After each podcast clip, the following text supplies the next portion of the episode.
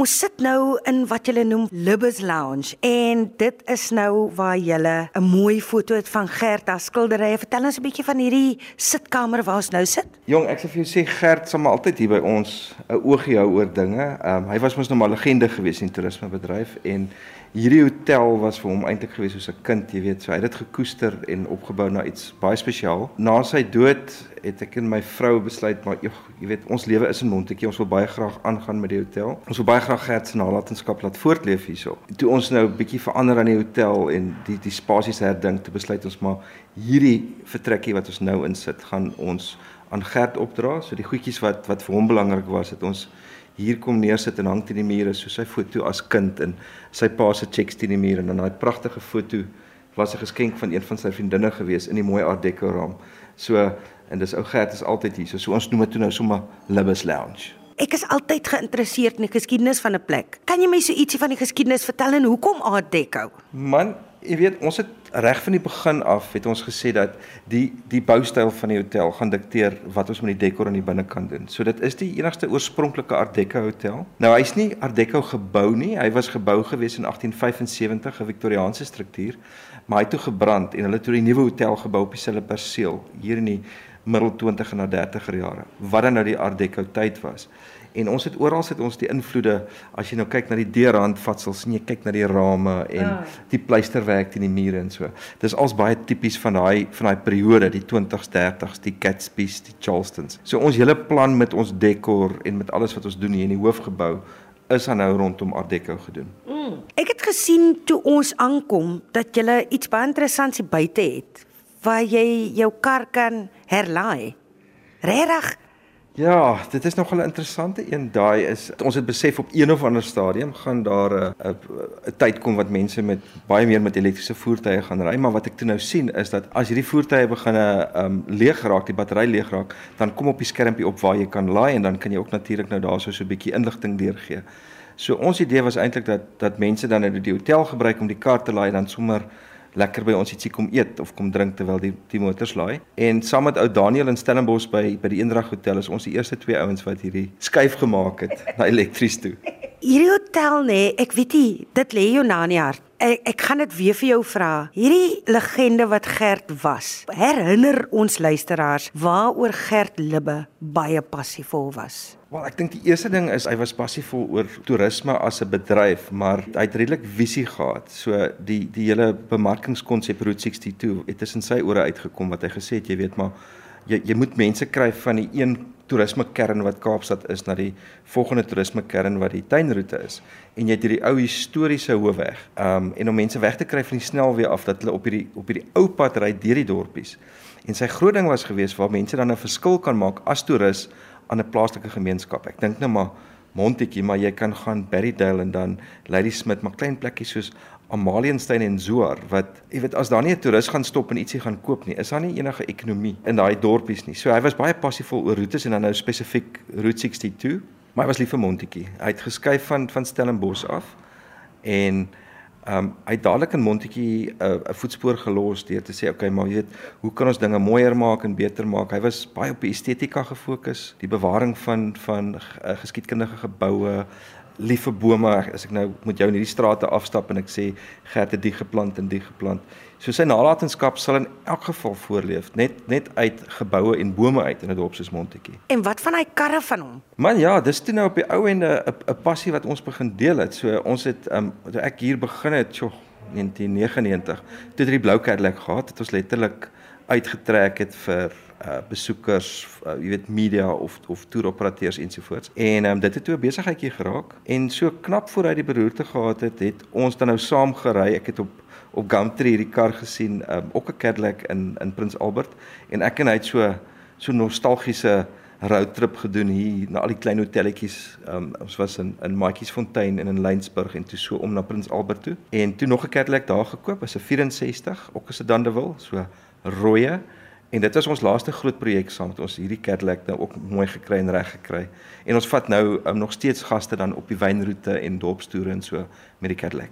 En jy self, was jy gebore PJ? Want jy het nou jou liefde, jou hart lê nou in Montetjie en sy mense. Man, ek is gebore in Kimberley. My pa was in die staatsdiens, so hy het redelik rondgeskuif. Ek sê altyd as mense vir my hierdie vraag vra, sê ek ek is gebore in Kimberley. Ek het groot geword in Beaufort Wes en ek het mens geword in Montetjie. Ja. So, so ek het my hoërskoolloopbaan was in was by Hoërskool Sentraal in Beaufort Wes en ek het ongelooflike goeie herinneringe van Beaufort en Beaufort lê my ook naby in die hart. Dis waar ek begin werk het saam met Gert by Matopo Inn in Beaufort Wes. Hy was in 'n vennootskap daar met mense en ek het van 'n oorseese werksreis teruggekom en sommer daar by hulle ingeval en eintlik nooit weer weggegaan nie. So Beaufort ja, bly nog steeds vir my naby in die hart en toe ek toe ek was ja, ek was jonk, maar ek was 22. Toe ek Montetjie toe gekom om vir Gert hierdie restaurant by die hotel te kom doen en hy was so 3 maande was ek hier toe dankie bestuurder. Toe sê hy jong, jy's net 'n bietjie jonk, maar ons probeer jou maar en kyk eens hoe gaan ja, en dit is nou wat is dit nou 23, 24 jaar later en dit gaan net maar net aan. Is jy nog steeds? Ja. Net nog 'n ding wat my opval, is jou liefde vir die mense saam met wie jy werk. Uh en hulle liefde vir jou en en werkskepping. Man uh, ja, ook by Gert geleer, maar ook vir myself uitgewerk is dat uh, wat ons personeel by die hotel betref, is dat hulle is die skakel tussen myself en en die kliënt. En jy weet so lief soos ek vir mense is, jy kan nie by almal uitkom nie. So ewe skielik het jy mense nodig om jou te help om by almal uit te kom. So hulle is in kontak met die gaste. So die personeel is vir my ongelooflik belangrik en naby aan die hart en met hulle het ek met baie van hulle het ons 'n lang verhouding. Ek meen hier's mense wat 20 jaar plus saam met ons hierso werk. So daat ons besef en ons ons uitkyk is eintlik so stel 'n glimlag aan en ons sal vir die ou die vaardighede leer. You employ the smile and you teach the skill.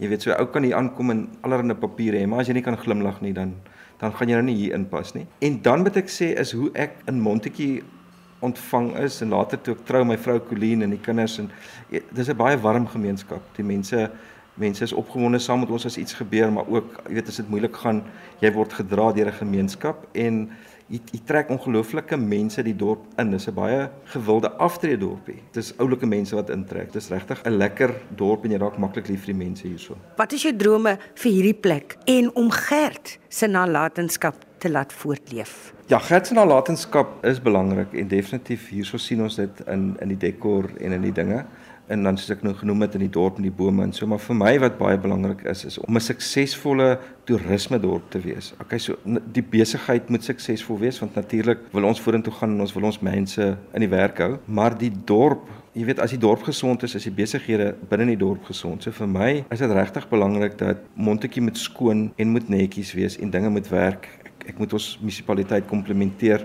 Dit mes klaar baie maklik oor iets soos 'n munisipaliteit, maar ons is in die bevoordeelde posisie dat dit eintlik grootendeels baie goed gaan. Maar dit skep die geleentheid vir besighede om suksesvol te wees. En dit is belangrik want jy sit in 'n land waar jy met groot werkloosheid te doen het en as jy in 'n dorpie soos Montetjie kan sê, luister, deur toeriste hiernatoe te trek, skep ons besigheid vir die ou wat die petrolpomp het of die ou wat bande opsit of whatever die die die besighede buite om toeriste is, is dit so belangrik. Ehm um, jy weet ons is ons is 'n landbouarea en die en die landbou gaan deur sy op en sy af. So landbou is krities krities belangrik, maar wat ons ook nou sien, is dat hierdie lekker kruisbestuiving tussen landbou en toeriste is wat die ouens begin met gastehuisies op die plase en toere doen op hulle plase en die klas van dinge. En ek dink daar's 'n groot suksesverhaal net daarin om weer werkskepping in die platteland te skep en die mense uit die stede uit te kry. Dit voel vir my Hulle gaan weg uit die platteland uit na die stede toe, gaan leer al die verkeerde gewoontes daar en kom dan terug na die klein dorpies toe. So ons moet sorg dat die klein dorpie suksesvol is. En dis my droom, maar dit is net moontlik as die dorp suksesvol is.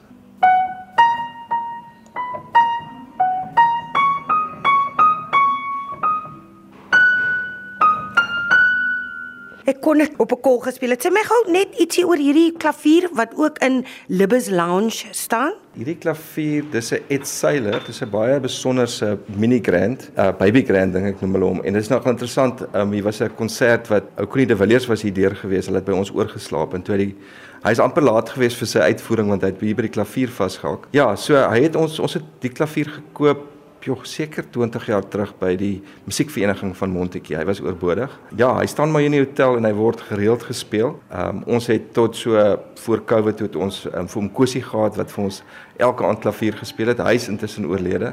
Ehm um, so ons gaan seker op 'n stadium weer uitkom wat ons 'n permanente uh, pianis het. Maar ja, ons is lief vir musiek en die klavier staan nie, so elke nou en dan stap een verby en speel vir ons 'n bietjie klavier. Kan jy speel? My dogtertjie kan, ek is nog nie daar nie.